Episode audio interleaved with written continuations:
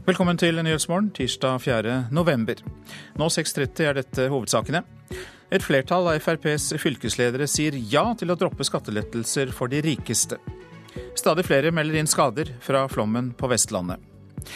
Nettbutikk driver ulovlig markedsføring overfor folk som er syke av kreft, MS og hiv, mener Forbrukerombudet. Dette er jo noe av det verste vi har sett når det gjelder påstander om konkret effekt på alvorlige sykdommer.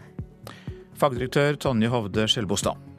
Og stortingspresidenten kommer hit og forteller hva som er spesielt med 4. november. Her i studio i dag, Øystein Heggen.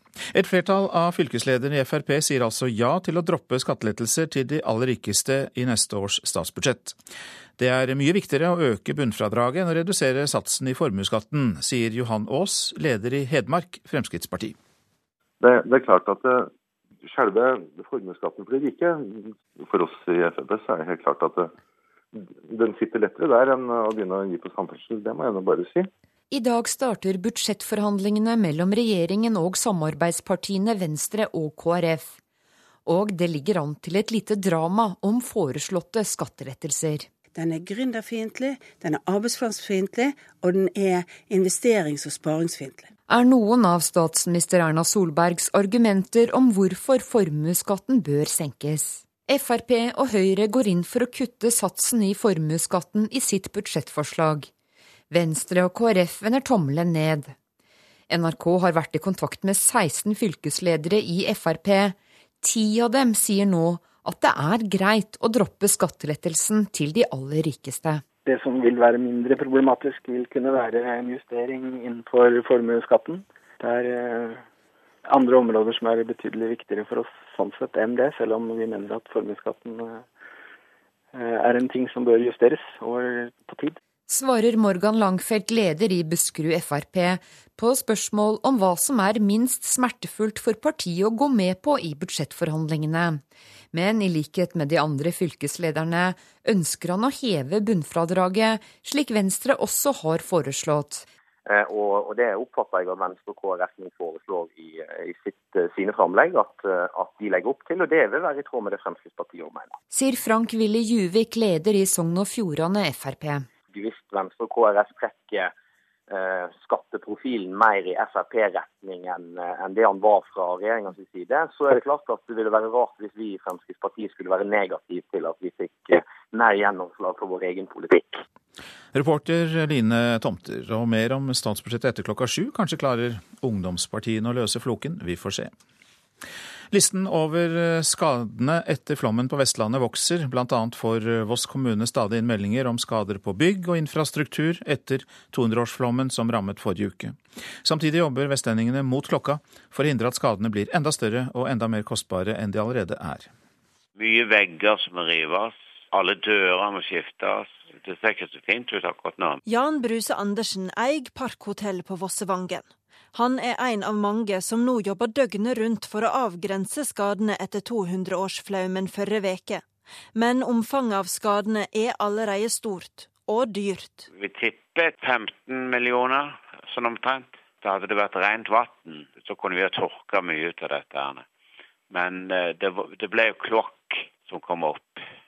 Kloakken rant jo inn i huset.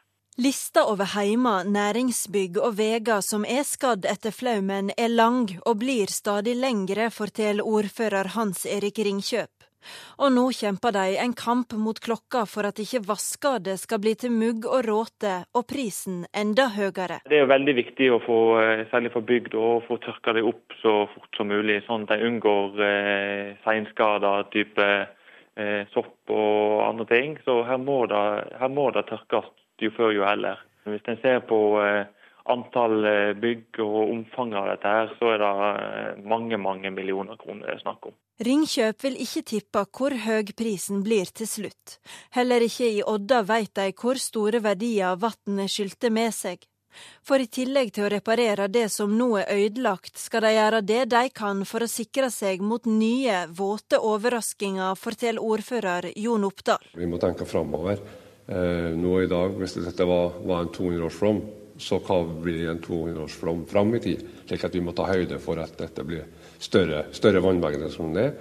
Og vi må bygge, og bygge etter det og ta hensyn til det. Hvor lenge skal de nå jobbe med å rette opp at de skadene som flaumen har gjort, tror du? Og det blir mange måneder framover at dette kommer til å prege Vossa-samfunnet. Og det er helt sikkert bygg og sånt som kanskje minst et halvt, halvt år før deler da, kan åpnes, som nå er blitt stengt pga. flaumen. Og reportasjen var laget av Siri Kleiven Strøm. Amerikanske teknologiselskaper lar seg villig misbruke av terrorister. Det skriver den nye sjefen for britisk signaletterretning, Robert Hannigan, i et innlegg i avisa Financial Times. Terrorister utnytter teknologiselskapene og bruker tjenestene deres som kommando- og kontrollnettverk, ifølge Hannigan. Den britiske etterretningssjefen mener selskapene må spille mer på lag med vestlig etterretning, og hevder at databrukere flest vil ha stor forståelse for det. Den østlandsbaserte nettbutikken Altshop driver ulovlig markedsføring overfor syke. Det slår Forbrukerrådet og Statens legemiddel fast. Gjennom å drikke sølvvann og bruke jordingsredskaper skal mennesker med kreft, MS og hiv bli bedre, ifølge butikken. Og de har direkte kontakt med kundene i sine nettmøter. Hei, alle sammen. Hei, hei, og velkommen til dere alle. Her inviterer daglig leder i Altshop, Kjetil Dreyer, til et nettmøte et såkalt webinar. Vi er like rundt 500 mennesker her nå. Nå skal lytterne få høre om hva slags nytte de kan ha av sølvvann, energibad, vannioniserere, jordingslaken og lignende produkter. I dag så vil du lære hvordan du kan hjelpe kroppen å reparere seg selv på 90 dager eller mindre. Å drive en nettbutikk som altshop.no er i seg selv ikke ulovlig, men det er måten de promoterer produktene sine på. Det sier Tonje Hovde Skjelbostad, fagdirektør for alternativ behandling hos Forbrukerombudet. Dette er jo noe av det verste vi har sett når det gjelder påstander om konkret effekt på alvorlige sykdommer. De hevder jo effekt på lidelser som MS, kreft, og de hevder i tillegg at dette ene produktet deres dreper hiv. Så dette her er ganske drøye påstander. Likevel har Altshop fått holde på i flere år. Statens legemiddeltilsyn uttalte i en artikkel i Dagbladet i 2009 at markedsføringen deres var ulovlig. De var også skeptiske til at daglig leder Kjetil Dreyer og andre frontet en antivaksinekampanje, samtidig som de promoterte produkter som alternativ til vaksinen. Steinar Madsen, medisinsk fagdirektør i Legemiddelverket, sier at de ikke har kapasitet til å følge opp alle. Han har ikke stoppet, selv om vi var ute og advarte mot dette her. Og etter at dere nå gjorde oss oppmerksom på den saken, så skal vi nå sende et, våre jurister sende et brev til ham. I de aller verste tilfellene så kan vi gå til politianmeldelse. Forbrukerombudet vil også vurdere å føre en tilsynssak. Nå skal jeg legge ut linken her til dere alle sammen. Der dere kan få bestilt disse pakkene. Daglig leder for Altshop, Kjetil Dreyer, vil ikke gi et intervju i denne saken, men har sendt oss en e-post der han sier de reagerer på at det offentlige driver saksbehandling gjennom pressen. Dreyer skriver at deres produkter har helsebringende effekter, og at han vil ta kontakt med offentlige myndigheter for å avklare om markedsføringen strider med norsk lov. Dersom det gjør det, vil de ta nødvendige skritt for å rette opp i dette, skriver han. Reporter Sissel Kvalvik.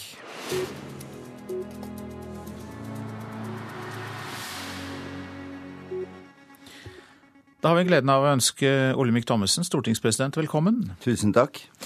I dag har nemlig Stortinget kommet eh, til den siste markeringen av grunnlovsjubileet. Det har i år vært mange arrangementer, mye feiring av eh, at det da er to år siden Norge, 200 år siden Norge fikk sin grunnlov. Og så er det noen datoer som vi er, har etset seg inn i oss. 17. mai er jo en av dem. Men 4. november, Olemic Thommessen, hva er det med 4. november? 4. november er jo på en måte den egentlige dagen for Grunnloven.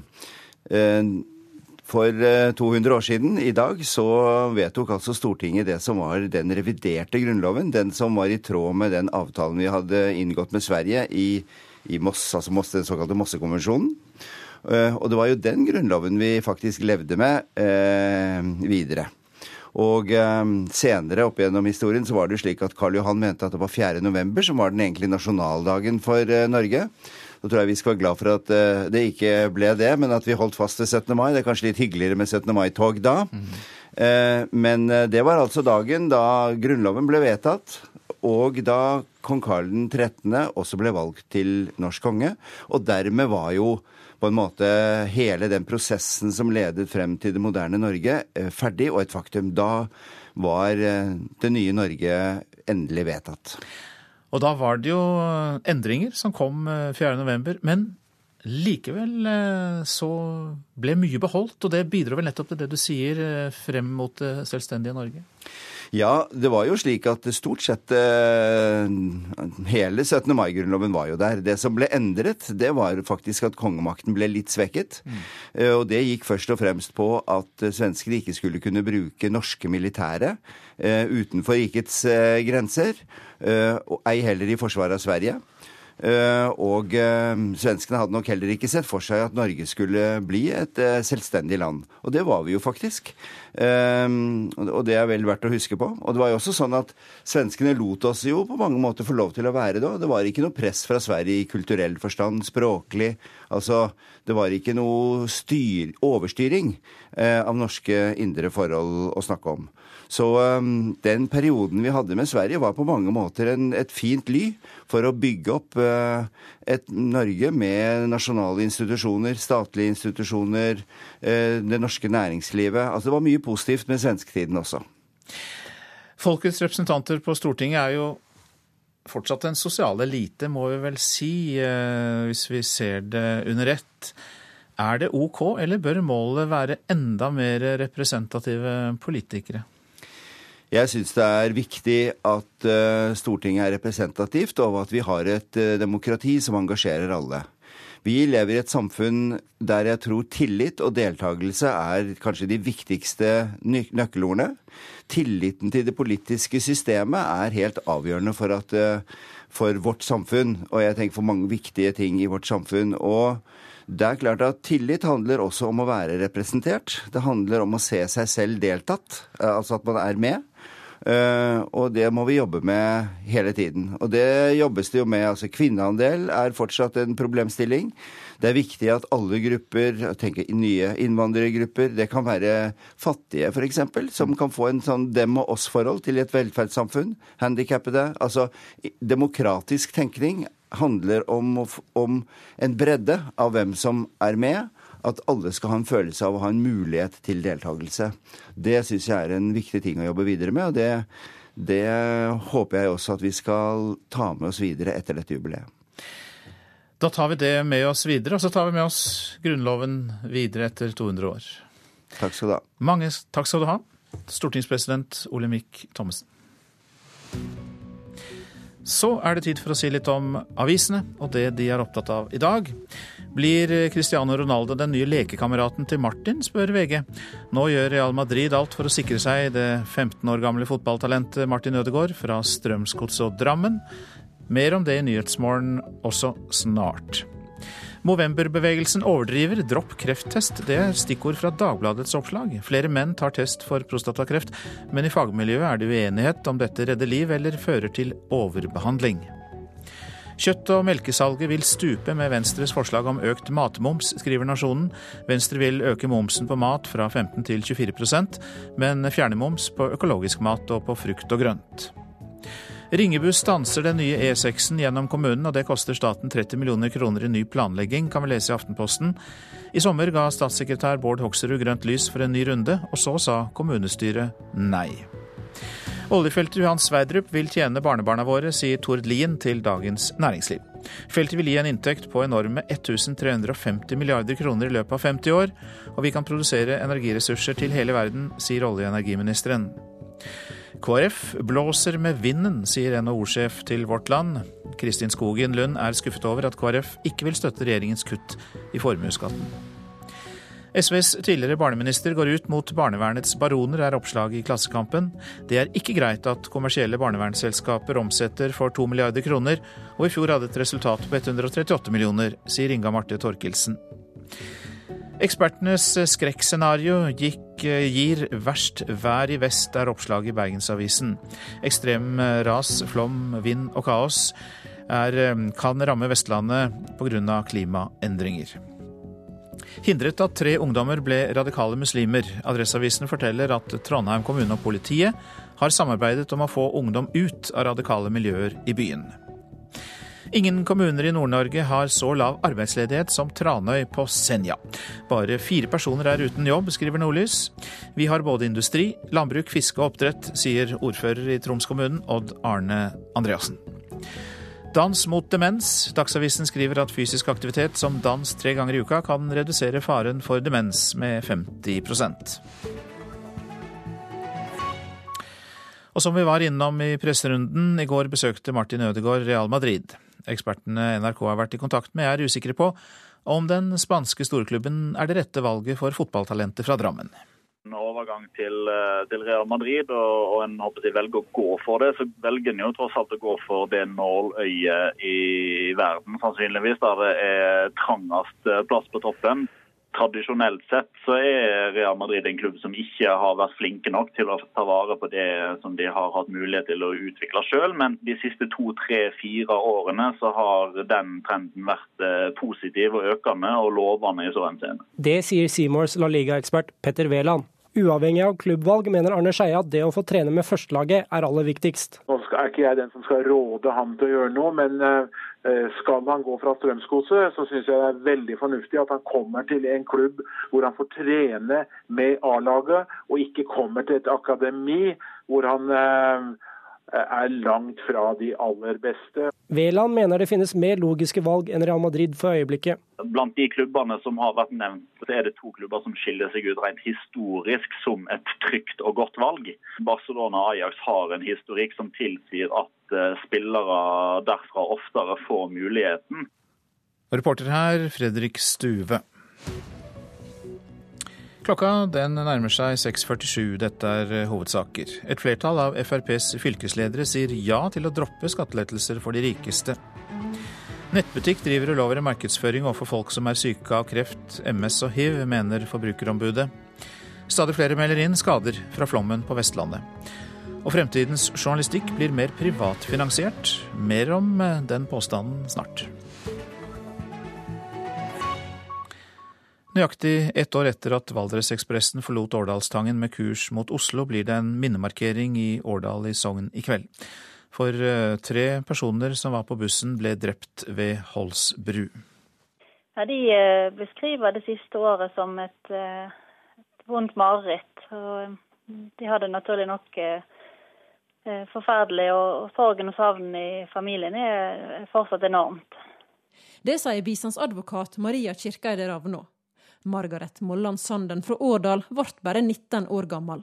Sammen med bussjåfør Arve Kvernhaug fra Baggen i Valdres og svenske Brahim Koya ble hun drept av en asylsøker mandag 4.11. for ett år siden. Så er det det som, eh, som står igjen som helt uh, altoverskyggende, det, det er sorgen og savnet etter uh, datteren. Sommeren 2013. Årdal skal få asylmottak. Det har styresmaktene bestemt. Asylsøkerne skal bo spredt i den vesle industrikommunen. Alt kom i stand om lag over fellesferien. Politikken i Årdal var kritisk til etablering av asylmottak. Men allikevel så ble jo dette oppretta ganske raskt i løpet av en sommer. Ordfører Arild Ingar Lægreid og resten av kommunen tok imot 150 asylsøkere. Mellom dem en 31 år gammel mann fra Sør-Sudan som alt hadde fått avslag på asylsøknaden sin. Gjerningsmannen tok livet av alle på bussen. Tre drept da Valdresekspressen ble kapra i Sogn og Fjordane. Mandag 4.11. for ett år siden gikk sørsudaneseren om bord på Valdresekspressen i lag med to andre passasjerer. Bussen kom aldri lenger enn til Holsbru, noen kilometer øst om Årdal. Politiet mener asylsøkeren planla drapene. Det har jo vært et spesielt år for eh, Årdalssamfunnet. Jeg har vel visst at når det trengs, så står vi sammen. Og det er jo en viktig egenskap for et, et eh, lite lokalsamfunn. Tragedien rysta hele landet. Tusenårssteinen framfor rådhuset i Årdal var snart ikke å se. Dekt av levende lys og ei endeløs rad av blomster, kort og hilsener. Jeg husker jo de dagene som eh, veldig intense, dramatiske. Tor Brekke er administrerende direktør i Hero selskapet som driver mottaket i Årdal. Hva har de lært av tragedien? Det som kanskje er det aller viktigste, er vel at vi i enda større grad ser betydningen av å legge vekt på det å se enkeltmennesket i mottak, og ha kompetanse og ressurser til det. Brekke sier de òg jobber med håndtering og forebygging av kriser, og mot et tettere samarbeid med kommuner, helseetater og politi. Men hva med i forkant av tragedien? Nei, vi ser ikke at det var noe vi kunne gjort for å forhindre det. Det, det tror jeg ingen kunne forhindra, rett og slett. 10.9. i år døde drapsmannen etter å ha hoppa fra et tak i fengselet. Derfor blir det ingen rettssak. På ettårsdagen for tragedien i Årdal skal bygda og pårørende samles. På tidspunktet Valdresekspressen forlot Tangen for ett år siden. Det er helt naturlig den dagen å ha en stille markering. Den skal vi ha eh, klokka fem på halv fem framfor rådhuset. Det tror jeg vil bli sterkt for mange. Denne reportasjen var laget av Silje Guddal. Det er uvisst hvor lenge hurtigruteskipet MS Nord-Norge vil være ute av drift etter grunnstøttingen ved Skjervøy i Troms i går kveld. Skipet fikk eh, en flenge da den var borte i havbunnen på vei ut fra Skjervøy og måtte returnere til kai. Skadene skal vurderes i dag. En del passasjerer blir transportert til Tromsø, eller ble det i går kveld, og det jobbes med alternative transportmidler for resten av passasjerene. Professor Jens Brårvik er ikke egnet til stillingen som dekan for Humanistisk fakultet, mener flere forskere. For ti år siden fikk han kritikk fordi gamle skrifter han forsket på var stjålet fra et museum i Kabul. Kritikerne mener at professor Brårvik ikke er egnet som sjef for Fakultetet i Oslo. Det er nesten pinlig at vi har en slik kandidat som stiller som dekan. Jeg mener jo at Brårvik har målt etikk med strikk. Harmonerer dårlig med en sånn posisjon som dekan. Vi må tilbake til en ti år gammel Brennpunkt-dokumentar på NRK for å forstå kritikken fra disse tre personene fra det kulturhistoriske forskningsmiljøet, som mener Jens Brårviks fortid gjør han uegna som sjef for over 6000 studenter og et årsbudsjett på nesten 750 millioner kroner. Professor Jens Brårvik ved Universitetet i Oslo tilfeldigvis fikk høre om Skøyen-samlingen. Brennpunkt avslørte i 2004 at den enorme privateide Skøyen-samlinga med eldgamle skrifter inneholdt manuskripta som var plyndra fra et museum i Kabul og smugla til Europa. Professor Jens Brårvig var leder for forskninga på Skøyen-samlinga, og innrømte i dokumentaren at han visste om tyvgodset. We have known about uh, since 98, I think we found out. Dokumentaren satte i gang en stor debatt om samlinga og Brårviks rolle, og mange mente det var feil å beholde og forske på materialet som Brårvik visste var tyvegods. Jens Brårvig gikk omsider av som leder, og Universitetet i Oslo stoppa forskninga. Og selv om Den nasjonale forskningskomité har uttalt at Brårvig ikke har handla feil i arbeidet med Skøyen-samlinga, mener arkeolog og professor Kristoffer Prescott at det er pinlig at en så kontroversiell person nå kan bli sjef for Humanistisk fakultet. Jeg syns det er påtagelig at han selv ikke har kommet frem med en ordentlig redegjørelse for hva han drev med på den tiden. Hans engasjement mot plyndringen så han har selv på mange måter ikke bidratt for at vi kan trekke en strek over den saken og avslutte det. Jens Brårvig vil ikke kommentere denne saken overfor NRK, men henviser til at Den forskningsetiske komité i 2005 slo fast at det var feil å stoppe forskninga på Skøyen-samlinga. Professor i religionshistorie Torkel Brekke mener kritikerne tar feil, og at Jens Brårvik er en god kandidat til dekanstillinga.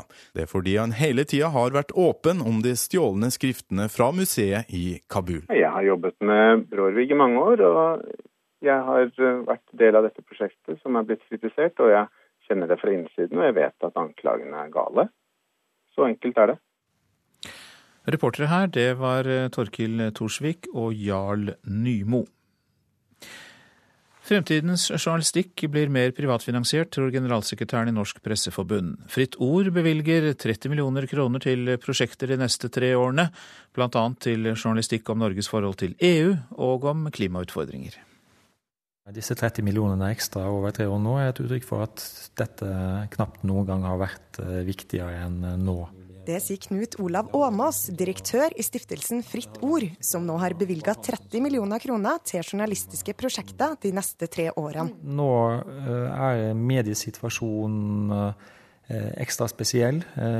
Gamle finansieringsmodeller svikter. De nye er ikke helt på plass ennå. Derfor er dette et godt tidspunkt for lansere nye private støtteordninger. Generalsekretær i Norsk Presseforbund, Kjersti Løken Stavrum, tror vi vil se mer av slike støtteordninger framover. Hun tror mye av fremtiden til norsk journalistikk ligger i privat finansiering. Ja, Det er egentlig logisk, fordi at medielandskapet vårt endrer seg veldig fort. Vi har eh, ikke bare journalister som er fast ansatt i redaksjonene lenger. Eh, mange er nedbemannet. Andre ønsker å jobbe som bloggere og, og frie aktører. Og, og, det er klart at det å ha flere steder å henvende seg for å få støtte til å gjøre viktige journalistiske prosjekter, det er bra. Tilskuddet fra Fritt Ord kommer også midt i debatten om hvor mye pressestøtte som skal bevilges over statsbudsjett. Løken Stavrum mener dette er et klart signal fra Fritt Ord om at det trengs mer penger til kritisk journalistikk.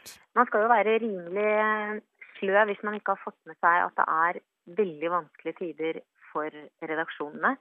Vi mangler en finansieringsmodell for journalistikk. Eh, og den delen av journalistikken som blir borte fordi man mangler inntekter til god journalistikk, den er, mener jeg, uønsket og, og også farlig. Men selv om det er positivt at Fritt Ord nå bevilger private penger til journalistikk, kan det aldri erstatte pressestøtten.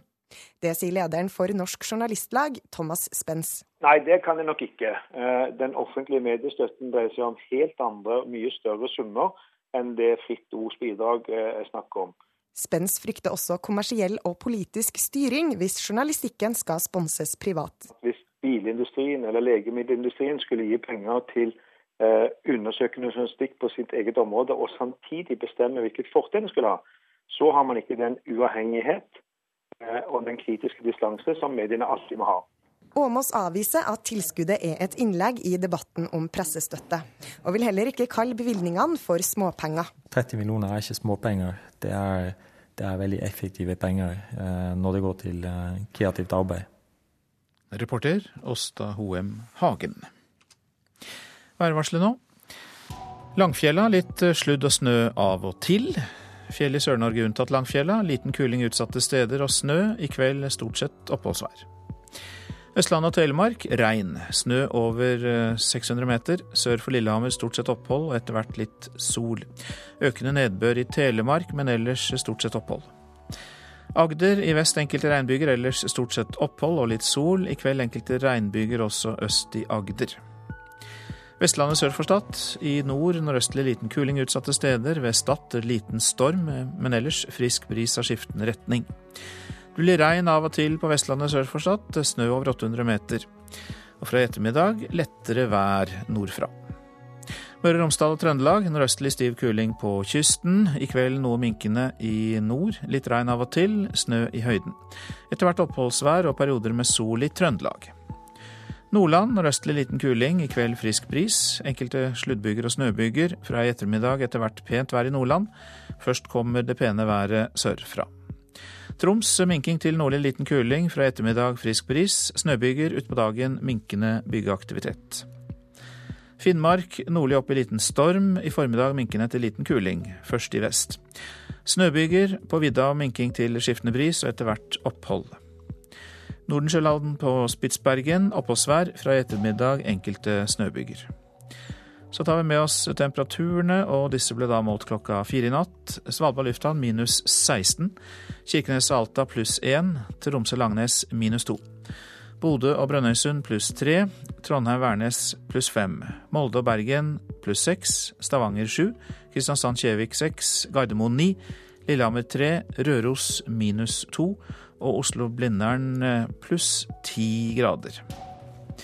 Etter klokka sju skal lederne for de borgerlige ungdomspartiene låses inn i et studio her på Marienlyst. Utfordringen er å løse budsjettfloken på en halvtime.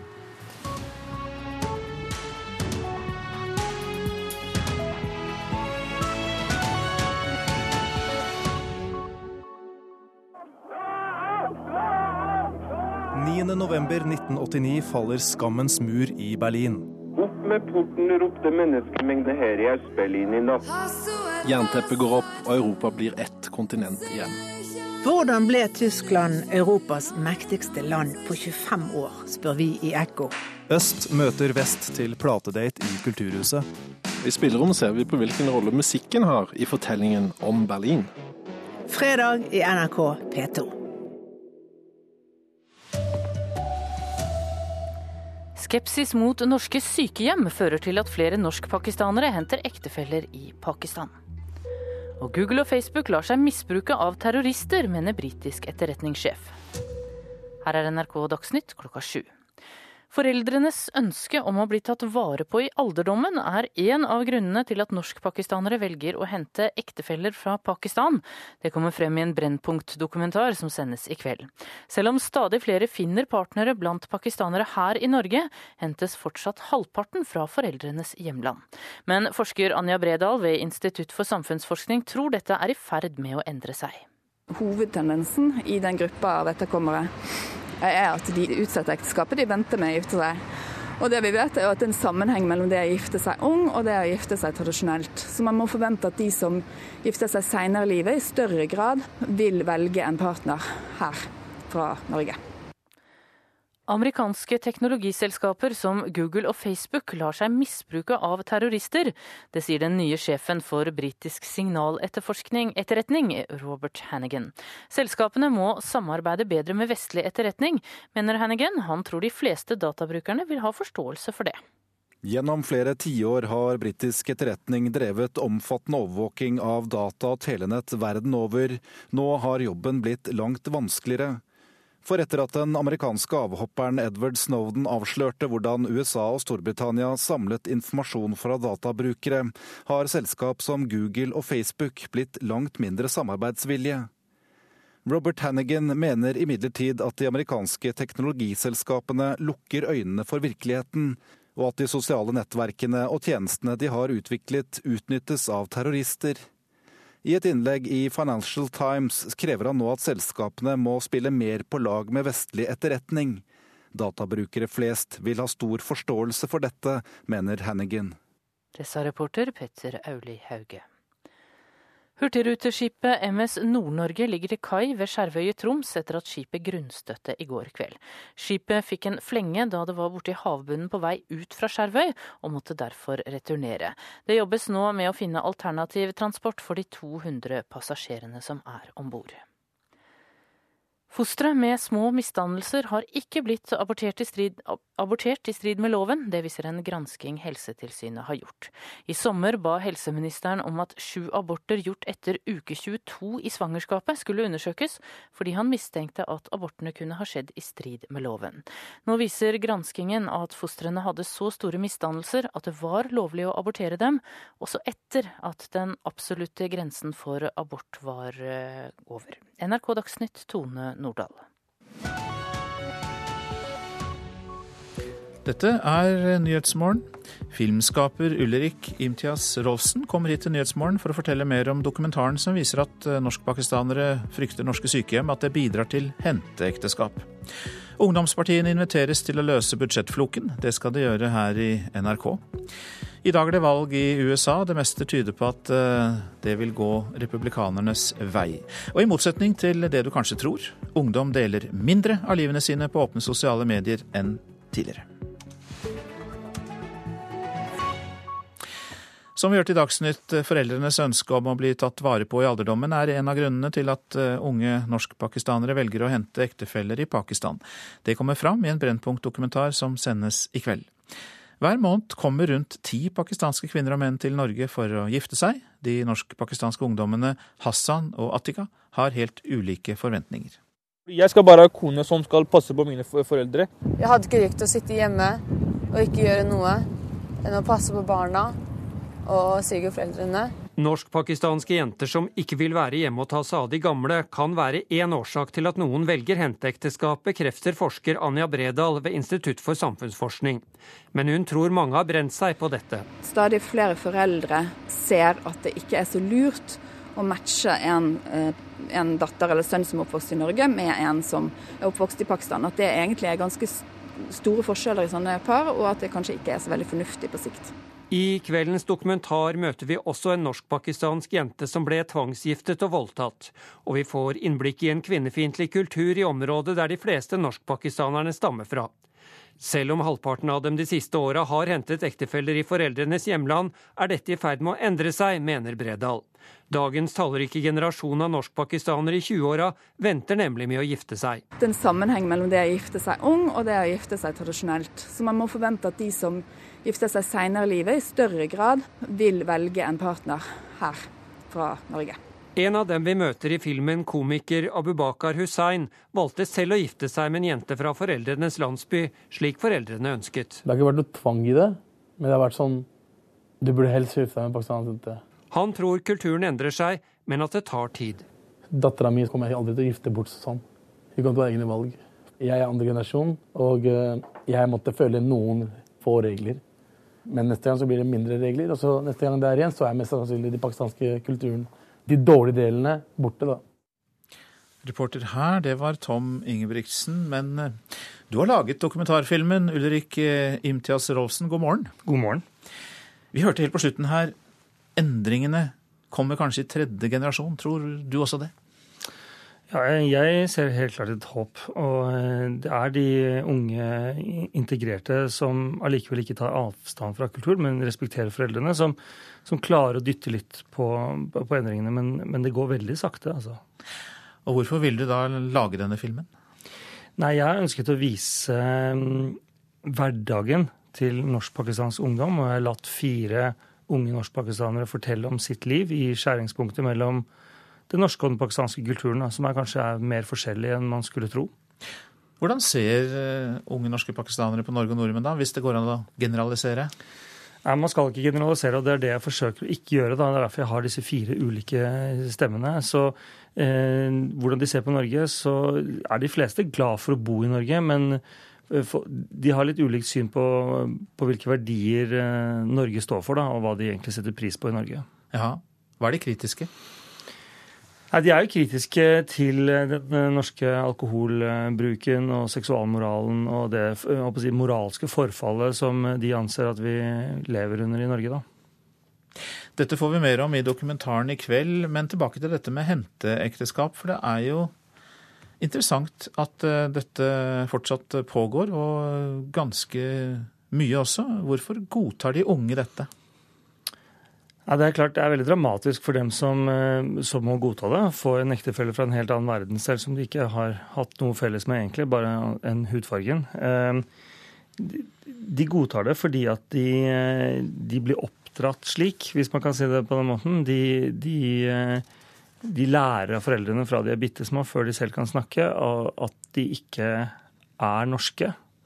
Og, og, dermed så godtar de senere dette dette presset, og, og, anser det kanskje ofte som sitt eget valg, og, og, og tar det valget i den tro at det er deres eget valg. Du er halvt pakistansk. Har det gitt deg fordeler med å stå med et bein i hver leir, for å si det sånn? Jeg har jo blitt forsøkt giftet bort mange ganger. ja, det var det. Ja. Eh, dårlig hell faren min har hatt med det der, men, men jeg har blitt forsøkt giftet bort. Og jeg, jeg kjenner kulturen fra innsiden. og har en mulighet til å si ting som ikke andre tør å si. Veldig mange nordmenn er jo redd for å bli kalt rasister. Eh, dessuten så kan jeg si mye om den norske kulturen uten å bli angrepet for det, for jeg kjenner den norske kulturen også godt. Så denne dokumentaren inneholder noen eh, kraftige spark mot Norge også. Det blir spennende å se. Hva er ditt eh, idealønske for den pakistanske kulturen i Norge? da? Hvordan vil du helst at den skal utvikle seg i årene fremover? Nei, jeg kommer egentlig ikke med noen svar. Jeg ønsker å, vise litt hvordan det er skape litt mer forståelse for hvilke, hvilke press og hvilke forventninger disse unge norskpakistanerne lever igjennom, slik at man kan forstå hverandre bedre. For er, jeg opplever at det er veldig lukkede kamre.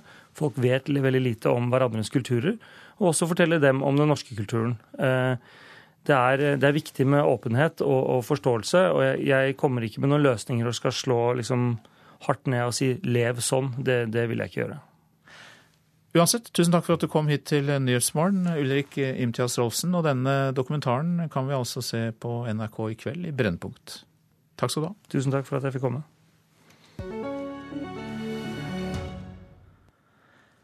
En eh, snuoperasjon i Ringebu kommune om ny E6 kan koste staten 30 millioner kroner, skriver Aftenposten. Etter 40 år med dragkamp sa kommunen i 2012 ja til forslag om hvor europaveien skal gå, men i høst ombestemte kommunen seg. Et av Norges største byggeprosjekt på land blir det ofte sagt om nye E6. Prosjektet skal koste 7 milliarder kroner. Veien skal bl.a. gå gjennom Ringebu kommune. Etter 40 år med strid om hvor veien skulle gå, ble det i 2012 bestemt at veien skulle bygges i en bue vekk fra Lågen. Ifølge kommunens ordfører ble vedtaket fatta for å unngå at Miljøverndepartementet skulle blandes inn i saken. Men så, to år etter, snur kommunen og vedtar at traseen skal bygges langs Vågen i stedet. Årsaken, sier ordføreren, er en ny regjering og signaler fra statssekretær i Samferdselsdepartementet Bård Hoksrud om at kommunen kan ta mer hensyn til egne ønsker. Ifølge Vegvesenet vil snuoperasjonen koste 25-30 millioner kroner og to år utsatt byggestart. I år uttalte samferdselsminister Ketil Solvik-Olsen at det tar ofte ti år å planlegge nye veier i Norge. Regjeringa vil korte ned dette betydelig. Til Aftenposten sier Hoksrud at han er enig i at beslutninga skal fattes lokalt, og at det ikke strider imot regjeringas mål. Denne saken er spesiell, men vurderinga vil ellers skje mer på statlig plan, sier han. Reporter Marit Gjelland. Et flertall av fylkeslederne Frp sier ja til å droppe skattelister til de aller rikeste i neste års statsbudsjett. Det er mye viktigere å øke bunnfradraget enn å redusere satsen i formuesskatten, sier Johan Aas, leder i Hedmark Fremskrittsparti. Det, det, er klart at det, selve formuesskatten for de rike, for oss i Frp, så er det helt klart at det, den sitter lettere der enn å begynne å gi på samferdsel. Det må jeg nå bare si. I dag starter budsjettforhandlingene mellom regjeringen og samarbeidspartiene Venstre og KrF. NRK har vært i kontakt med 16 fylkesledere i Frp. Ti av dem sier nå at det er greit å droppe skattelettelsen til de aller rikeste. Reporter Line Tomter. Og da har vi fått besøk i forbindelse med budsjettforhandlingene av uh, ungdomspartiene fra Høyre, Frp, Venstre og KrF. Velkommen hit. Eh, det blir jo varslet harde og langvarige forhandlinger, og leder i Unge Høyre, Christian Tonning Riise, hva tror du blir de vanskeligste områdene? Så nå har vi levert oss et budsjett som, eh, som, vi er fornøyd med, som vi mener har en, eh, en god sosial profil, og som vi mener tar inn over seg de utfordringene som vi må løse for å nå de utfordringene vi får i fremtiden. Jeg. Jeg regner med, jeg har registrert hvilke ting som for Venstre og KrF har vært mest misfornøyd med i, i mediene nå de siste dagene. Så jeg regner jo med at eh, f.eks. På, på klima og miljø så vil jeg regne med at det kommer noen, eh, noen krav. Så blir det sikkert også noen runder på både nivået på skattelettene og på innretningen av dem. Så ja, det tipper jeg nok blir at noen av de områdene hvor det blir noen kamper. Ja, NRKs politiske redaksjon har jo gitt dere fire en utfordring. Dere skal låses inn i et annet studio en halvtime og forhandle fram et budsjett. Og det svaret kan vi få eh, ja, i Politisk kvarter kvart på åtte. Svaret på budsjettfloken kanskje til og med. Vi får se. Hva kommer du til å prioritere i forhandlingene, leder i KrFU Emil Erstad? Vi kommer til å prioritere mer Robin Hood i dette budsjettet. her, Mer til de som har minst. Og, og da snakker vi ikke bare de som bor i Norge, men òg eh, internasjonalt. Bistand, flyktninger. Eh, og så kommer vi til å prioritere å gjøre dette budsjettet bedre på områder som klima, eh, utdanning. Eh, for vi ser det at Budsjettet som regjeringen har lagt fram, det er et veldig upopulært budsjett. Og det er med god grunn, fordi det mangler en god del satsinger på viktige områder. Ja, forhandle budsjett på en halvtime. Man kunne jo trenge en skikkelig energidrikk før man går inn i studio. Tristan Dupré, du er fra Fremskrittspartiets Ungdom. Tror du det er mulig å finne et kompromiss dere imellom? Det er jo imponerende hvis vi klarer det på en halvtime, men jeg tror absolutt det er mulig. Ehm, jeg tror på en måte det kan være lettere for ungdomspartiene. Eh, vi har jo masse felles grunn, vært ute før valgkampen og flagget en del felles politikk. Mm. Har et godt forhold oss imellom, så jeg har absolutt tro på at vi skal finne god felles grunn. Og så til deg, Tord Hustveit, du er leder i Unge Venstre, og moderpartiet ditt vil bruke mindre oljepenger enn regjeringen, selvfølgelig. Eh, Går du inn i dette forhandlingsrommet eller forhandlingsstudio for å kutte nettopp der? Ja, Vi har et mål om at det skal brukes mindre oljepenger. Eh, jeg ønsker et budsjett hvor neste generasjon er vinnerne. Skal vi få til det, så må vi ha et offensivt klimabudsjett. De siste dagene har vi sett konsekvensene eh, av et villere og våtere klima. Eh, og vi har dårlig tid med å få gjort noe med, med hvis vi skal løse klimaendringene, kutte CO2-utslippene. Og så må vi bruke mindre oljepenger, for nå i dag ligger vi på et veldig høyt oljepengebruk. Og det gjør at det blir mindre penger til neste generasjon. Dette blir jo ganske moro, i hvert fall for oss. Eh, det blir jo anstrengende for dere i løpet av en halvtime, temmelig nøyaktig. Altså Politisk kvarter begynner jo om en halvtime og ti sekunder. Da skal dere ha klart eh, et forslag til ferdigforhandlet kompromiss om statsbudsjettet. Takk for at dere er med på dette stuntet, og lykke til. Ja, Du lytter til Nyhetsmorgen. Dette er eh, hovedsaker i dag. Foreldrenes ønske om å bli tatt vare på i alderdommen er en av grunnene til at unge, norske Pakistan, unge velger å hente ektefeller i Pakistan, ifølge en dokumentar. Et flertall av FrPs fylkesleder sier ja til å droppe skattelette for de rikeste. Amerikanske teknologiselskaper lar seg misbruke av terrorister, sier eh, den nye sjefen for britisk signaletterretning. I dag er det valg i USA. Det meste tyder på at det vil gå republikanernes vei. Partiets store mål er å frata demokratene flertallet i Senatet, og de siste meningsmålingene tyder på at de vil klare det. I've got 100 locations across North Carolina right now with 10,000 volunteers. Senator Kay Hagen har en hær av frivillige som forsøker å få folk til å stemme i dag. Hun trenger hver eneste en. For meningsmålingene i Nord-Carolina viser nærmest dødt løp mellom Hagen og hennes republikanske utfordrer Tom Tillis. Valgkampen mellom de to har kostet 1,3 milliarder kroner. Men selv om Hagen skulle klare å beholde plassen sin i Senatet, holder det neppe for demokratene. For republikanerne har mye å vinne. Dette er Joni Ernst fra Iowa.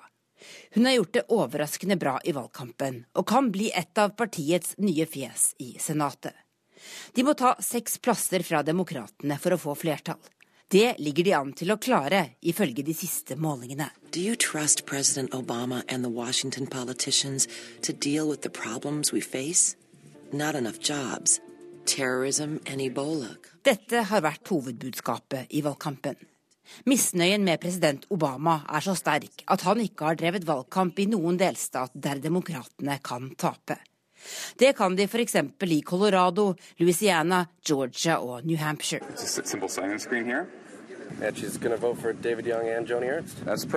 I Iowa bruker republikanske frivillige en nyutviklet mobilapp for å finne velgere som ikke har bestemt seg. Partiet ble tatt på senga av Obama-kampanjens bruk av teknologi i 2008, men ser nå ut til å komme sterkt tilbake. Våre frivillige kan med et par tastetrykk få vite nøyaktig hvilke dører de bør banke på, sier Michael Brickwell, republikanernes kommunikasjonssjef i Iowa til CNN. Uh, Sist det var mellomvalg, i 2010, dukket protestpolitikerne i The Tea Party opp. Denne gangen har republikanerne rekruttert mer moderate kandidater. Så gjenstår det å se om de kan få slutt på handlingslammelsen på Capitol Hill. USA-korrespondent eh, Tove Bjørgaas fra Washington der, og vi henvender oss til en tidligere USA-korrespondent, Jan Espen Kruse. Hva vil det bety for amerikansk politikk dersom maktbalansen forrykkes og demokratene mister flertallet i Senatet? Ja, Det vil bety enda mer polarisering i amerikansk politikk. Det vil eh, bety enda mer handlingslammelse. Eh, republikanerne de vil nok bruke et eh, eventuelt flertall til å prøve å få igjennom en rekke nye lover, få igjennom nye saker.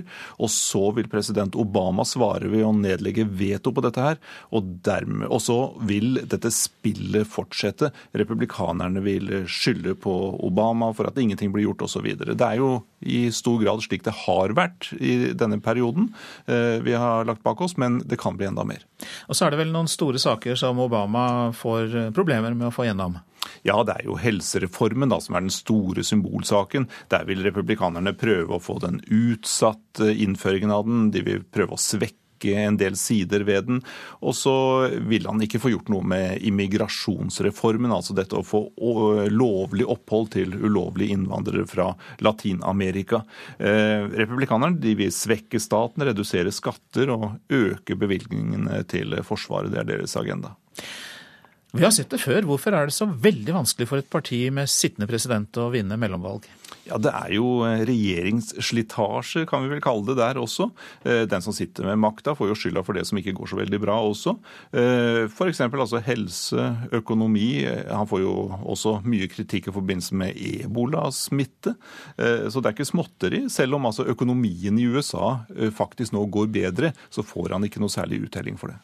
Så Da kan vi nesten si at mellomvalget er en slags meningsmåling om presidentens posisjon, da? Ja, det er det. Og republikanerne har jo gjort eh, sitt aller beste for å få det til å dreie seg om nettopp Obamas eh, politikk. Eh, og ikke satse så mye på de, de lokale tingene, de andre skillelinjene. Sånn at de kjører knallhardt på å understreke Obamas upopulære stilling. Han har jo bare rundt 43% oppslutning, som jo er veldig lavt. Det var jo mye eufori og konfetti i luften da Obama ble valgt for, eh, for eh, snart Ja, ikke fullt åtte år siden, da, men seks år siden første gang. Og eh, hvordan tenker demokratiske kandidater? Skal vi knytte ham til oss, eller skal vi skyve ham fra oss? Ja, altså I de kritiske vippestatene, der resultatet ikke er klart, der det kan gå enten den ene eller den andre veien, der blir jo Obama sett på nærmest sånn spedalsk av de demokratiske kandidatene. Altså De vil ikke ha noe med han å gjøre. Han er så upopulær ute i befolkningen at det er helt umulig. I de andre statene eh, hvor situasjonen er mer avklart, der kan han være. Og så gjør han en god jobb med å samle inn eh, penger, eh, men han er ingen god støtte for de som står i den veldig tøffe politiske kampen akkurat nå. Omtrent på denne tida som det heter i morgen, så vet vi mer av Espen Kruse. Takk skal du ha. Da er det presserunden vår, og vi starter i VG. Blir Cristiano Ronaldo den nye lekekameraten til Martin, spør de der. Nå gjør Real Madrid alt for å sikre seg det 15 år gamle fotballtalentet Martin Ødegaard fra Strømsgodset og Drammen. Movemberbevegelsen overdriver. Dropp krefttest. Det er stikkord fra Dagbladets forside. Flere menn tar test for prostatakreft, men i fagmiljøet er det uenighet om dette redder liv eller fører til overbehandling. Kjøtt- og melkesalg vil stupe med Venstres forslag om økt matmoms, skriver Nasjonen. Venstre vil øke momsen på mat fra 15 til 24% men fjerne moms på økologisk mat og på frukt og grønt. Oljefeltet Johan Sverdrup vil tjene barnebarna våre, sier Tord Lien til Dagens Næringsliv. Feltet vil gi en inntekt på enorme 1350 milliarder kroner i løpet av 50 år. Og vi kan produsere energiressurser til hele verden, sier olje- og energiministeren. KrF blåser med vinden, sier NHO-sjef til Vårt Land. Kristin Skogen Lund er skuffet over at KrF ikke vil støtte regjeringens kutt i formuesskatten. SVs tidligere barneminister går ut mot barnevernets baroner, er oppslaget i Klassekampen. Det er ikke greit at kommersielle barnevernsselskaper omsetter for 2 milliarder kroner, og i fjor hadde et resultat på 138 millioner, sier Inga Marte Torkelsen. Ekspertenes skrekkscenario gir verst vær i vest, er oppslaget i Bergensavisen. Ekstreme ras, flom, vind og kaos. Vestlandet blir hardest rammet av klimaendringene hindret at eh, tre ungdommer ble radikale muslimer. Adresseavisen forteller at Trondheim kommune og politiet har samarbeidet om å få ungdom ut av radikale miljøer i byen. Ingen kommuner i Nord-Norge har så lav arbeidsledighet som Tranøy på Senja. Bare fire personer er uten jobb, skriver Nordlys. Vi har både industri, landbruk, fiske og oppdrett, sier ordfører Odd Arne Andreassen. Dans mot demens. Dagsavisen skriver at fysisk aktivitet, som dans tre ganger i uka, kan redusere faren for demens med 50% En eh, tidligere bankansatt eh, må i dag møte i Sør-Østerdal tingrett, tiltalt for å ha svindlet og forsøkt svindlet 20 millioner kroner. Kvinnen har erkjent bedrageriene, og pengene skal ha gått til privat forbruk. Grovt bedrageri har en strafferamme på seks år, og saken er en av de største svindelsakene i Hedmark, sier aktor Rikard Rød. Det er en kjempestor sak. Over 20 millioner i bedratt beløp overfor en lang rekke banker over mange, mange år. Så en veldig stor, alvorlig sak. Beløpsmessig er den største i, i min tid som leder for Økoteamet i Hedmark. Det, det må jeg si. Og kvinnens forsvarer ønsker ikke å kommentere saken. Ungdommer deler mindre av livene sine på åpne offentlige profiler på sosiale medier enn tidligere. I stedet bruker de lukkede profiler som bare de nærmeste vennene har tilgang til. En høyskolelektor fra BI mener de unge vil snakke sammen og dele bilder uten at foreldre og ukjente er flue på veggen. På den private profilen tør vi være oss selv, sier tiendeklassing Vebjørn Berg fra Bodø. På den offentlige så legger du ut et bilde der du poserer så bra du kan og prøver så bra ut, men på den private kan det være et bilde i dusjen eller bare et bilde med den styggeste morgensveisen der du ser helt jævlig ut. Foran en tiendeklasse på Saltvern skole i Bodø spør jeg om de som bruker bildedelingstjenesten Instagram, kan rekke opp handa. Da er de fleste hendene i været. Hvor mange av dere har to profiler på Instagram? Godt over halvparten som har to profiler. Vi prøver jo å sensurere det vi legger ut på den vanlige brukeren, for det skal jo skape et godt bilde av oss sjøl. Blant folk du kanskje ikke kjenner så godt, så vil du jo fremstå som en ordentlig og skikkelig og pen og flott person. Men når du kommer nærmere, så er ikke det så viktig. Da kan du liksom vise litt av dine litt verre sider, da, hvis du kan si det. Det er vel mer fordi at den ene blir litt mer privat og kan være litt mer meg sjøl, mens den andre blir litt sånn at du skal fremstå på best mulig måte. I denne klassen i Bodø bruker nesten alle Instagram, og flere og flere av dem får seg en ekstra profil som er privat. Cecilie Staude er lektor ved Handelshøyskolen BI, og hun tror ungdommer ikke lenger ønsker å dele livet sitt med alle. Det gjør at bruken endrer seg, og en konsekvens av at både moren din og bestemoren din også nå etablerer seg etter hvert i disse sosiale mediene, kanskje mer enn de unge, gjør jo at du da velger å lukke ting inne for å ha ditt eh, eget private rom, på lik linje som man har eh, rommet sitt hjemme i et hus hvor du ikke ønsker at mora di skal sette seg ned når du har besøk. Det er veldig mye av den samme måten å tenke på. Eh, så jeg tror at det kommer til å bli mer av den typen bruk når det gjelder sosiale medier. At man får også lukkede nettverk, uten at det behøver nødvendigvis å bety at det, eh, det, at det går på bekostning av det åpne. Men det blir en, en, blanding, og så velger man hva man vil legge hvor. Det her er da bildene jeg kom på skolen og kjeda meg. Dette var da jeg satt og spilte i går, i håp om at noen ville spille lag med meg. Her er et veldig stygt bilde av meg sjøl. Man kan tørre å utfordre litt, man kan være litt mer morsom, man kan kanskje være litt mer dristig i klesveien. Fordi at man, man, vet at man kommuniserer bare med en liten gruppe mennesker som kjenner eh, en godt. Og der kulturen er kanskje mer bærer preg av at du kan på en måte lette litt mer på sløret i en lukket gruppe eh, enn det du føler du kan gjøre i, eh, i en åpen gruppe som alle har tilgang til. Jenter på 15 og 16 år bruker i snitt tre timer i døgnet på sosiale medier, og gutter på samme alder bruker nesten to timer, viser en undersøkelse fra Medietilsynet fra tidligere i år. Det mest populære blant ungdom er Instagram, Snapchat og Facebook. Ingrid Rasmus, Eirik Vilde og Vebjørn i Bodø tilbringer store deler av døgnet foran mobilskjermen. Ja, Man bruker sosiale medier stort sett hele tida, så jeg vil si det er ganske viktig. da. Jeg tror jeg hadde kjeda meg veldig mye hvis jeg ikke hadde hatt det. Det er jo for det meste det man gjør når man ikke har noe annet å gjøre. Som er ganske ofte. Det handler jo om å, å holde en del av livet sitt hemmelig for uh, ofte for voksne og uh, spesielt da foreldre. Ida Aspeslåen Erikstad er prosjektmedarbeider i Medietilsynet Trygg Bruk. Hun jobber med barn og unge på sosiale medier, og syns det er helt naturlig at ungdommer har hemmeligheter for foreldrene.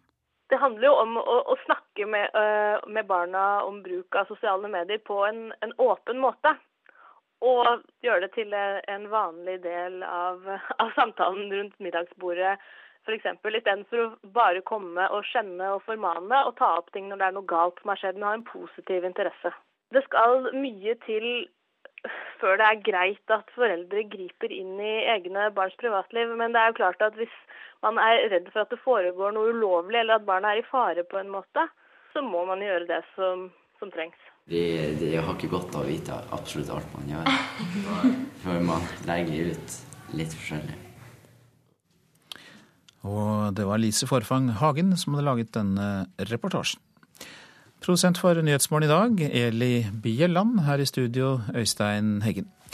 Vi vet at eh, Stoltenberg har inntatt Brussel, og at Jagland styrer Europarådet i Strasbourg, men vi trenger ikke å dra så langt for å finne nordmenn med internasjonale karrierer. Mer om dem i reportasjen etter Dagsnytt. De borgerlige ungdomspolitikerne sitter og forhandler om statsbudsjettet nå. Resultatet får vi i Politisk kvarter, men du kan sniktitte inn i forhandlingene. Du kan nemlig følge dem på nrk.no, så bare klikk deg inn der.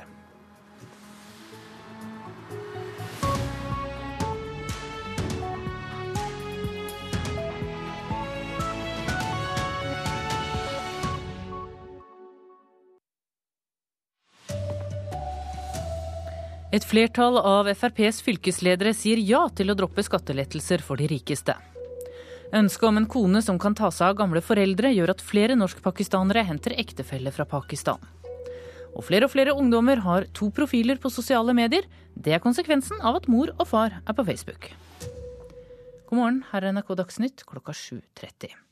Et flertall av fylkeslederne i Fremskrittspartiet sier altså ja til å droppe skattelettelser til de aller rikeste i neste års statsbudsjett. Det er mye viktigere å øke bunnfradraget enn å redusere satsen på formuesskatten, sier Johan Aas, leder i Hedmark Fremskrittsparti. Det er klart at eh, selve formuesskatten for de rike, for oss i Frp, er det helt klart at eh, den sitter lettere der enn å begynne å gi på samferdsel. Det må jeg nå bare si.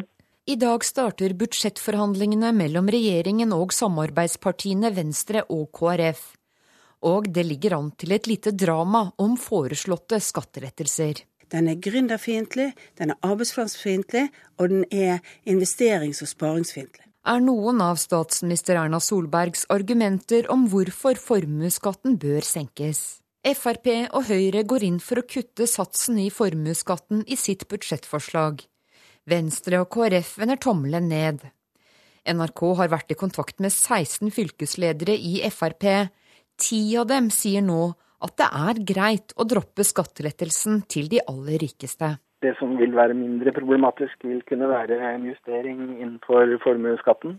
Det er eh, andre områder som er betydelig viktigere for oss sånn sett enn det, selv om vi mener at formuesskatten eh, er en ting som bør justeres over på tid svarer Morgan Langfelt, leder i Buskerud Frp, på spørsmål om hva som er minst smertefullt for partiet å gå med på i budsjettforhandlingene.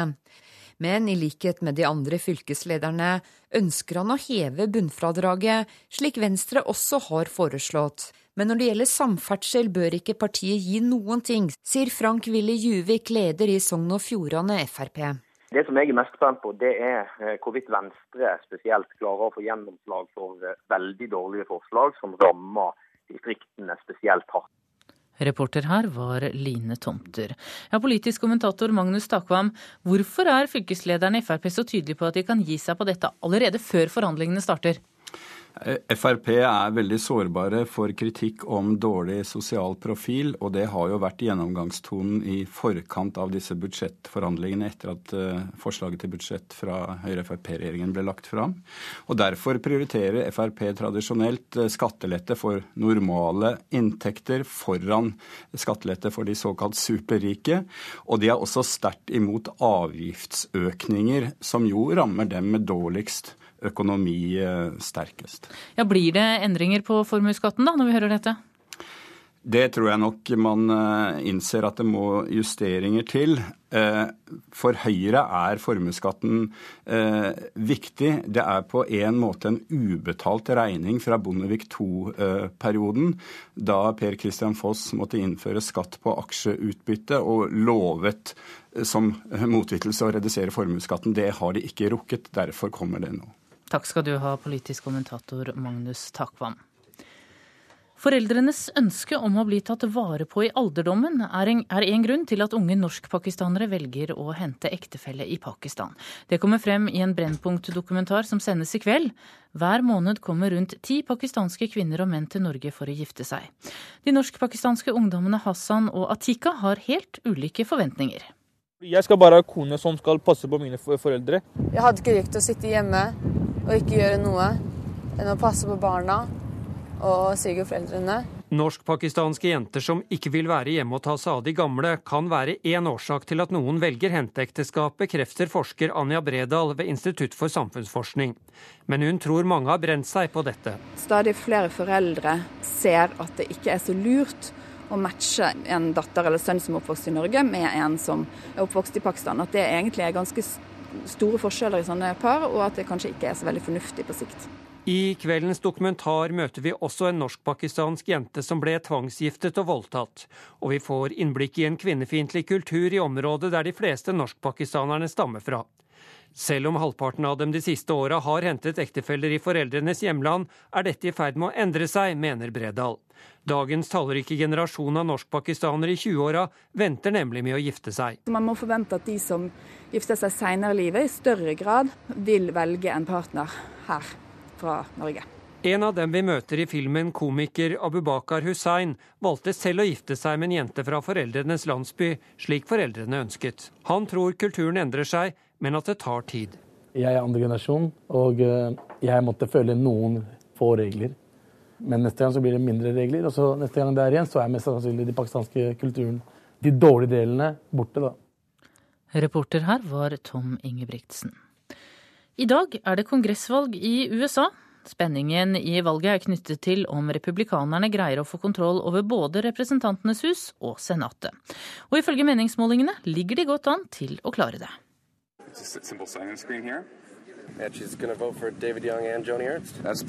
Med en nyutviklet mobilapp finner republikanske frivillige i Iowa velgere som ikke har bestemt seg.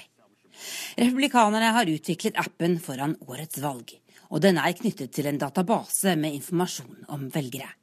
Det er nok ikke bare appen som gjør at det ser lovende ut for republikanerne i dag. Men partiets Johnny Ernst i Iowa gjør det overraskende bra på målingene og kan komme inn i Senatet. 36 medlemmer av denne mektigste delen av Kongressen står på valg. Republikanerne må ta seks plasser fra demokratene for å få flertall, og det ligger de an til å klare. Misnøyen med president Obama er den viktigste årsaken til det. Den gjør at flere sittende demokratiske senatorer sliter med å bli gjenvalgt. F.eks. Kay Heggen i Nord-Carolina, som har deltatt i årets dyreste valgkampduell. Prislapp 1,3 milliarder kroner. Tove Bjørgaas, Washington. Sjakk er neste tema i Dagsnytt. En av Magnus Carlsens nærmeste støttespillere er nemlig redd for å gi sjakkspilleren feil råd under VM. Jon Ludvig Hammer kommer til å jobbe døgnet rundt hjemme i Norge for å gi Carlsen et best mulig utgangspunkt i partiene mot Vishy Anand. Det er viktig at Magnus kan fokusere på å, å spille sjakkpartier, og at han har noen andre som kan gjøre grovarbeidet. Eh, og vi sitter jo med sjakkomputeren så vi kan finne gode trekk, selv om vi ikke er like gode sjakkspillere som Magnus. Jon Ludvig Hammer kommer til å bruke timevis hjemme i Norge, mens Magnus Carlsen kjemper om VM-triumf i Sotsji. For Hammer er en sentral del av analyseapparatet til sjakk-esset, og skal forsøke å forutse åpningstrekket i partiene mot Vishy Anan. Det kan hende at vi sitter time og time, og så bruker ikke Magnus det. Det kan hende at vi sitter i flere timer og rett og slett finner ut at dette er så nærme å fungere, men det er to problemer her som er litt sånn shaky. Du kan ikke på en måte si at 'å, ja, men dette funker nesten'. Men ett lite trekk kan gjøre Hammers arbeid bortkastet. Samtidig innrømmer han at han er redd for å gi dårlige råd til Carlsen. Ja, veldig, veldig redd for det. Og det sa Jon Ludvig Hammer. Reporter var Mats Håby.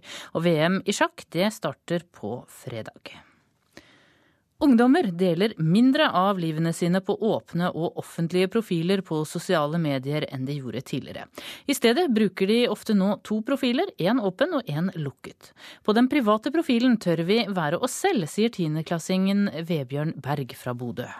På den offentlige så legger du ut et bilde der du poserer så bra du kan og prøver så bra ut, men på den private kan det være et bilde i dusjen eller bare et bilde med den styggeste morgensveisen der du ser helt jævlig ut. Foran en tiendeklasse på Saltvern skole i Bodø spør jeg om de som bruker bildedelingstjenesten Instagram, kan rekke opp handa. Hvor mange av dere har to profiler på Instagram? Godt over halvparten som har to profiler. Vi prøver jo å sensurere det vi legger ut på den vanlige brukeren, for det skal jo skape et godt bilde av oss sjøl. Cecilie Staude er lektor ved Handelshøyskolen BI, og hun tror ungdommer ikke lenger ønsker å dele livet sitt med alle. Det gjør at bruken endrer seg, og en konsekvens av at både moren din og bestemoren din også nå etablerer seg etter hvert i disse sosiale mediene, kanskje mer enn de unge, gjør jo at du da velger å lukke ting inne for å ha ditt eh, eget private rom, på lik linje som man har rommet sitt hjemme i et hus hvor du ikke ønsker at mora di skal sette seg ned når du har, har besøk. Det har ikke godt av å vite absolutt alt man gjør, for man legger ut litt forskjellig. Og så er det mer sånn festbilder og det er kanskje sånn som du ikke vil at foreldrene skal Nei, helst ikke. Det hadde vært veldig greit om de ikke sover. Ja, reporter her var Lise Forfang Hagen.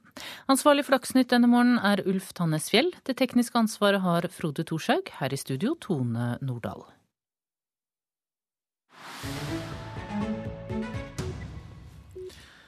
Og du lytter til Nyhetsmorgen. Stoltenberg har inntatt Brussel, som vi vet. Jagland styrer Europarådet i Strasbourg. Men en trenger ikke kikke så langt ned på europakartet for å finne flere nordmenn med internasjonal karriere.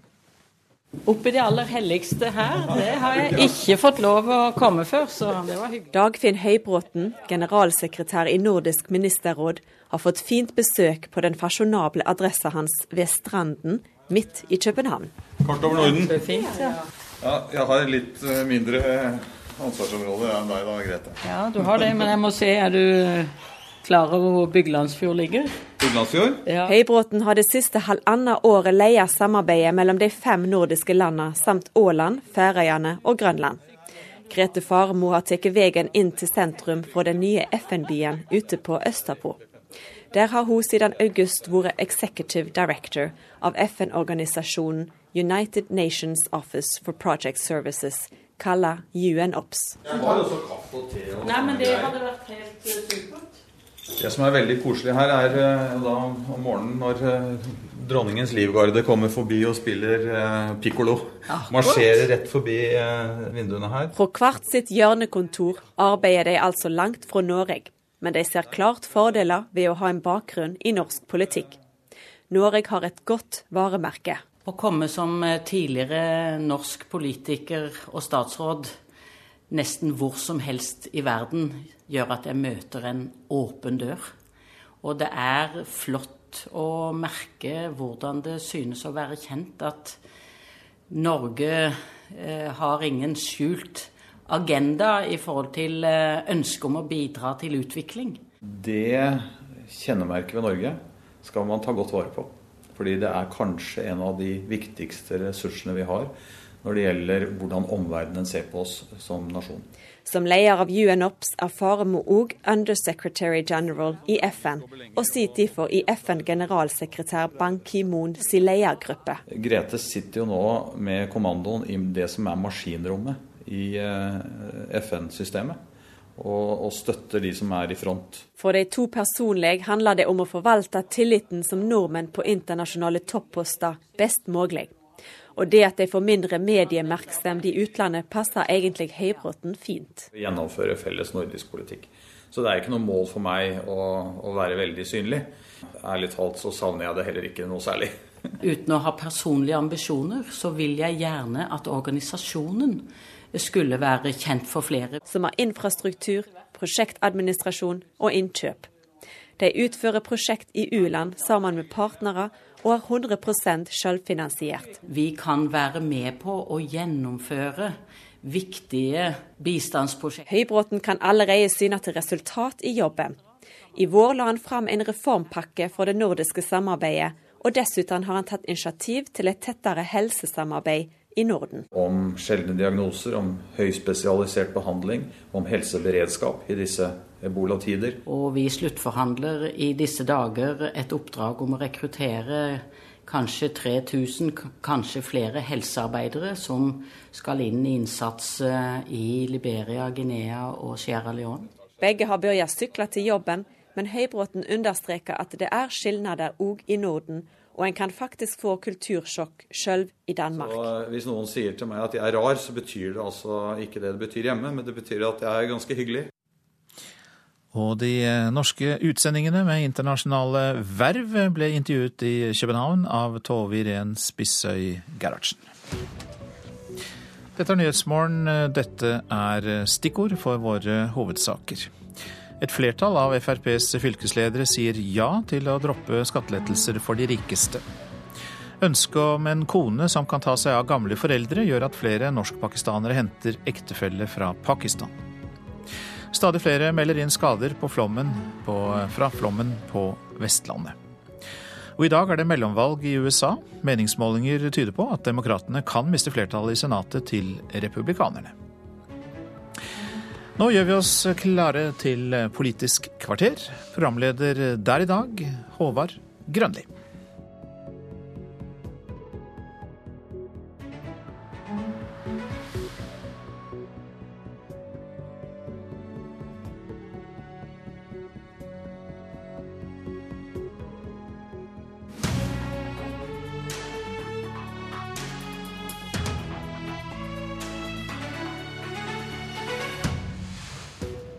Kan regjeringspartiene Høyre og Frp bli enige med KrF og Venstre om et budsjett?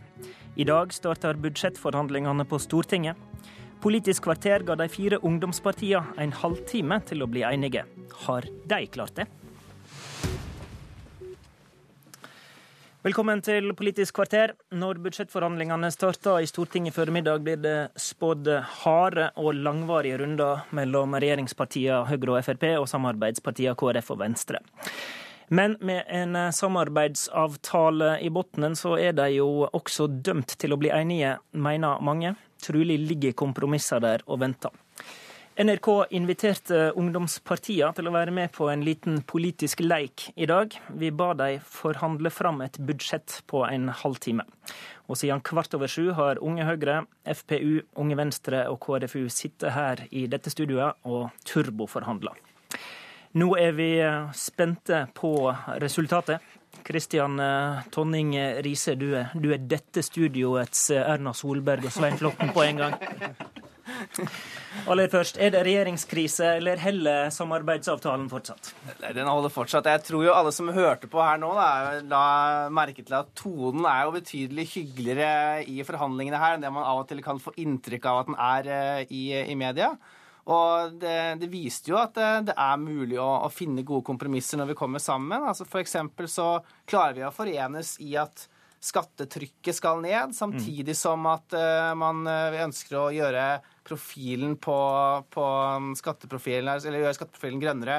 Vi klarer å forenes om at, uh, om at det skal være et prinsipp om at det alltid skal lønne seg å jobbe, og at vi må tette alle de smutthullene som gjør at det ikke er tilfellet i dag, men at vi er villige til å kanskje se noe på innretningen mm. på noen ordninger for å gjøre det på en, på en litt annen måte. Hvis du skal Så, nevne bare én ting nå fra denne halvtimen, hva, hva var den tingen du opplevde som mest kinkig? Nei, altså Det var vel kanskje Vi brukte vel Det var vel eh, skatt og og barnetillegget vi brukte mest, eh, mest tid på. Men jeg mm. syns jo at vi i løpet av den halvtimen vi har nå, i hvert fall peilet oss inn på en retning da, på hvordan det kanskje kan gjøres. Mm. Vi skal snakke om eh, den konkrete skatteløsninga, men aller først, Tristan Dupré, du er da forhandlingsleder for Frp-ungdommen i denne prosessen. Eh, la oss ta oljepengebruken først, for eh, Frp styrer jo Finansdepartementet. Hva ble dere enige om? Skal den opp, ned, eller skal den være på regjeringa sitt nivå? Vi ble vel enige om ca. regjeringens nivå. Eh, nå er det jo ikke sånn at det er et mål for Frp å hele tiden øke oljepengebruken i seg selv. Vi er jo for kutt i, offentlige utgifter på, på, sikt. Eh, men så er det sånn at vi også vil foreta investeringer eh, med, med oljepengene. Så er det jo, Når det er såpass mange som skal forhandle, så, er det jo naturlig at det blir litt økt oljepengebruk. Og Mange av forslagene gikk jo på økte utgifter, og det er vanskelig å finne inndekninga. Men dere vil egentlig, eh, egentlig vil dere kutte i oljepengebruken, dere ungdommer, virker det som, eh, Tord Hustveit? Ja, for oss er det et poeng å kutte i oljepengebruken. Og vi mener det er viktig at når vi skal forhandle et budsjett, at det i hvert fall blir noe lavere oljepengebruk. Om vi får til mye, det er et annet mm, spørsmål. Mm, og du representerer så, Venstre, bare for ja. å ha sagt det. Så har vi kommet med flere forslag til, til innsparinger her som kunne gjort det mulig eh, å, bruke litt mindre oljepenger. Eh, samtidig som vi også har noen eh, skjerpelser, noe vi bruker mer penger på. så har vi foreslått flere grønne avgifter som kan gi stor inndekning i, i budsjettet. Men det var mye skattediskusjon. Formuesskatten er jo ei forhandlingsnøtt på Stortinget. Regjeringa har sin løsning. KrF ivrer ikke for skattelette. Venstre byr på ei anna innretning der bunnfradraget er viktigere enn satsen. Eh, fant dere et kompromiss her, Kristian Tonning Riise, Unge Høyre? Hvordan ble det? Ja, Vi ble vel enige til slutt om at, at vi flyttet vel noe, noe penger fra, fra formuesskatten over på å redusere inntektsskatten. Mm. Det var vel det også Men skattelettene skal være på regjeringas foreslåtte ja, nivå? Altså, vi, sånn som, uh, altså, I tillegg så ble det jo altså, Vi ble også enige om at vi skal legge inn noen ekstra grønne avgifter. Sånn at så korrigerer jo det på en måte trykket litt, men at uh, den totale rammen for for uh, skattekutt er jo er fast. Men vi, er, vi, ble vel ikke helt enige om akkurat innretningen på eh, eller på hvordan vi skal kutte formuesskatten. Der kommer vi vel ikke helt i mål uh, nå i løpet av den halvtimen. Men du gikk da med på, Emil André Erstad, leder i KrFU, regjeringa sitt nivå, samla nivå for skatteletter? Det er selvfølgelig en del av en helhet der. Altså, det er veldig vanskelig å sitte her og, det, det, var vondt, er det det du sier? Altså, det, det er vondt hvis det, det, å kutte i, i skatt det går utover sårbare grupper. Det kommer ikke KrF til å gå med på på Stortinget. og Eh, det hadde ikke jeg gått med på her i dag òg, heller vi hadde lengre tid til å gå gjennom tingene. Mm. Eh, men eh, for KrF er ikke det et sånn fanatisk spørsmål med skatt. Det, det, er en del av, av hele profilen her. Og det vi ser nå, er at vi får noen anbefalinger fra Scheel-utvalget om ikke så veldig lenge. Og da er, har vi sagt at vi kan være med på å gjøre betydelige endringer i, i skatteprofilen. Men vi tror at det er litt feil tidspunkt å gjøre det nå. Mm. Og vi tror det er feil å Eh, og kutte i skatten samtidig som man eh, gjør store grep Men oppsummert, hvis jeg hørte dere rett, skattenivået, lettelsene skal være på det nivået regjeringa har foreslått, eh, men litt mindre, mindre skattelette på formuesområdet og litt mer vridd mot grønne skatter. Ja, altså Under forutsetning at vi får grønne avgifter som gjør at det blir dyrere å forurense. Mm. Og hvis det blir dyrere å forurense, så kan vi godt ligge på det nivået på skatteletter på, på formuesskatt og, og ymse. Mm som regjeringa har foreslått, gitt at noe overføres fra formuesskatt til inntektsskatt, sånn at du får en bedre sosial profil. Mm. Eh, og at eh, For meg er det jo viktig at når man gir skatteletter, at det kommer alle til gode, og at det er noe alle får mulighet til. Eh, for skatt handler jo både om å gjøre økonomien mer effektiv, gjøre det bedre, lettere for næringslivet. Men skatt handler også om at vanlige folk skal få sitte igjen med litt mer penger. Og da kan man ikke bare kutte satsen i formuesskatten, sånn som regjeringa har gjort her. Men Erstad i KrF, eh, hva fikk du da i disse forhandlingene som gjorde at det var greit å gå med på Nei, det var akkurat det, sant. Vi ble jo ikke, vi ble jo ikke enige til slutt der. Dere var inne på sosial profil? Vi var, inn, vi, vi var innom en del ting, og det er fortsatt usikkerhetsmoment. Eh, det vi så på internasjonal profil, f.eks. KrF vil doble antall kvoteflyktninger, for vi ser den situasjonen som nå er i, i Midtøsten, og at det det krever ekstraordinære tiltak i den situasjonen vi nå er i. Mm. Eh, det tror jeg kommer til å bli et eh, betent tema i forhandlingene på Stortinget, akkurat som det var i rommet her. Og Frp var på glid på slutten her, på asylområdet og bistand, eller var det rett oppfatta, du Pre? Ja, så helt til det var snakk om å ta imot så, så voldsomt mange flere. Um, absolutt alt tiltak som går på å bedre situasjonen for asylsøkere og, og dette her med mer informasjon og sånn, så det er absolutt noe som jeg er villig til å hadde vært villig til å gi til KrF, da. Eh, ellers kan jeg bare nevne, hvis vi bare hadde gjort sånn som Carl har sagt i alle år, Carl I. Hagen, og bare sagt et eget internasjonalt budsjett, så kunne KrF brukt så mye de ville på bistand, så kunne vi ha ordnet innenlandsøkonomien. ok, vi går videre til andre områder. Nå, nå, kom dere faktisk aldri helt til uh, den store miljødebatten, uh, så en halvtime var kanskje litt uh, knapp tid. Men dere var inne på skolepolitikken i starten. hva slags løsninger lå i lufta der, Kristian Tonning Riise?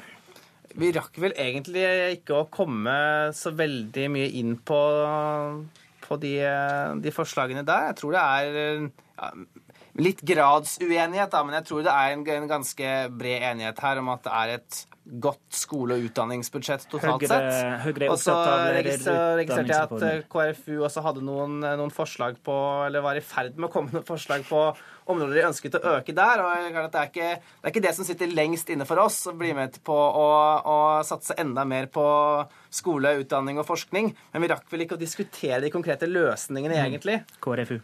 Nei, selvfølgelig. Og, og, det er jo et i utgangspunktet godt uh, utdanningsbudsjett. Uh, så ser vi at prosenten som blir brukt på utdanning, er litt lavere enn, enn den skulle vært. Og det har Erna sagt at hun er villig til å gjøre noe med. Og bl.a. det å satse på tidlig innsats i barneskolen. Det vil være et veldig viktig prioritert område for KrF. Uh, samtidig så borteboerstipendet er en annen sånn liten sak som, som, ligger der og skurrer. og vi kommer selvfølgelig til å kjempe for at det skal være som det allerede er. Men uh, utdanning tegna seg som et område Hustveit i Venstre som det var mulig å bli enige om? Ja, jeg tror vi skulle greid å komme til enighet i, uh, i utdanning. Og for vår del òg kunne man godt brukt uh, satsa enda mer på, på, skole og utdanning. En ting jeg savner litt i budsjettet, er en, en satsing på student, studentøkonomi. Man gjør noe på studentbolig, skulle gjerne gjort litt mer, men så savner jeg også en satsing på studentøkonomi. Men det rakk vi ikke å diskutere så mye. Eh, så jeg tviler på at vi blir enige om det her over bordet nå. Det siste viktige temaet, miljø, som dere aldri kom helt i gang med, det var, det var toucha når det var snakk om eh, bilavgifter, drivstoffavgifter. Eh, hva, hva slags løsninger så du der, Dupré i Frp?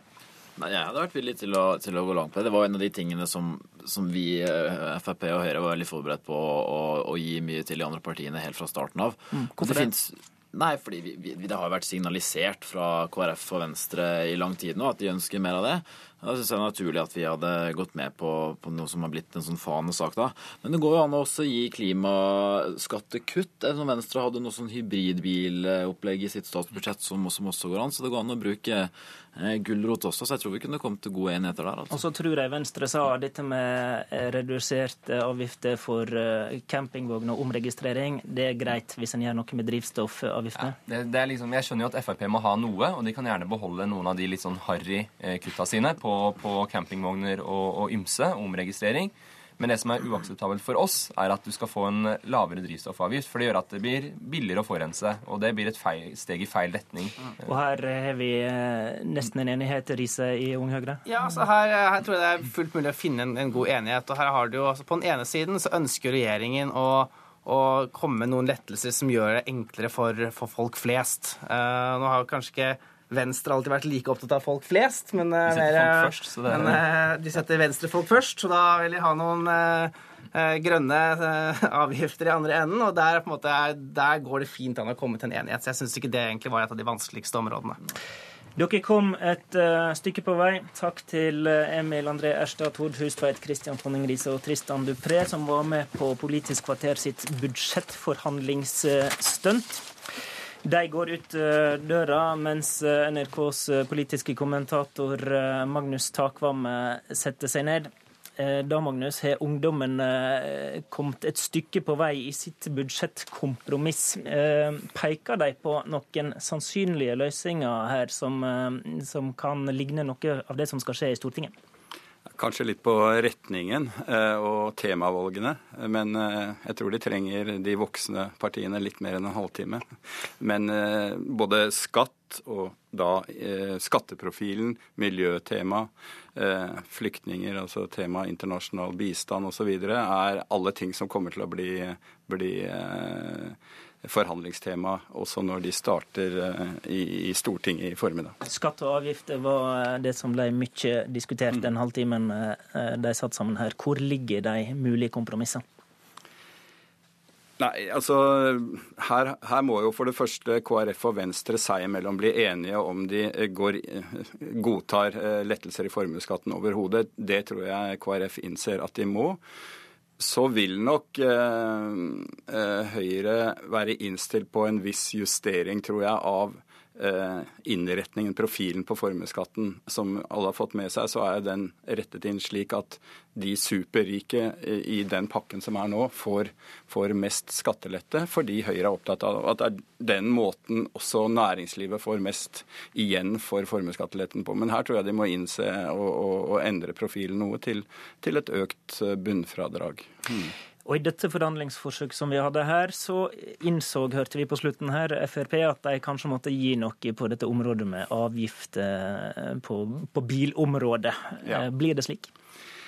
Ja, eh, men jeg tror eh, det, det, blir en kombinasjon av altså det, Jeg tror bensin- og dieselavgiftene, som jo egentlig har fått en reell eh, nedgang i og med at de ikke er prisjustert, mm. der må man i hvert fall godta å prisjustere de i, i forhandlingene.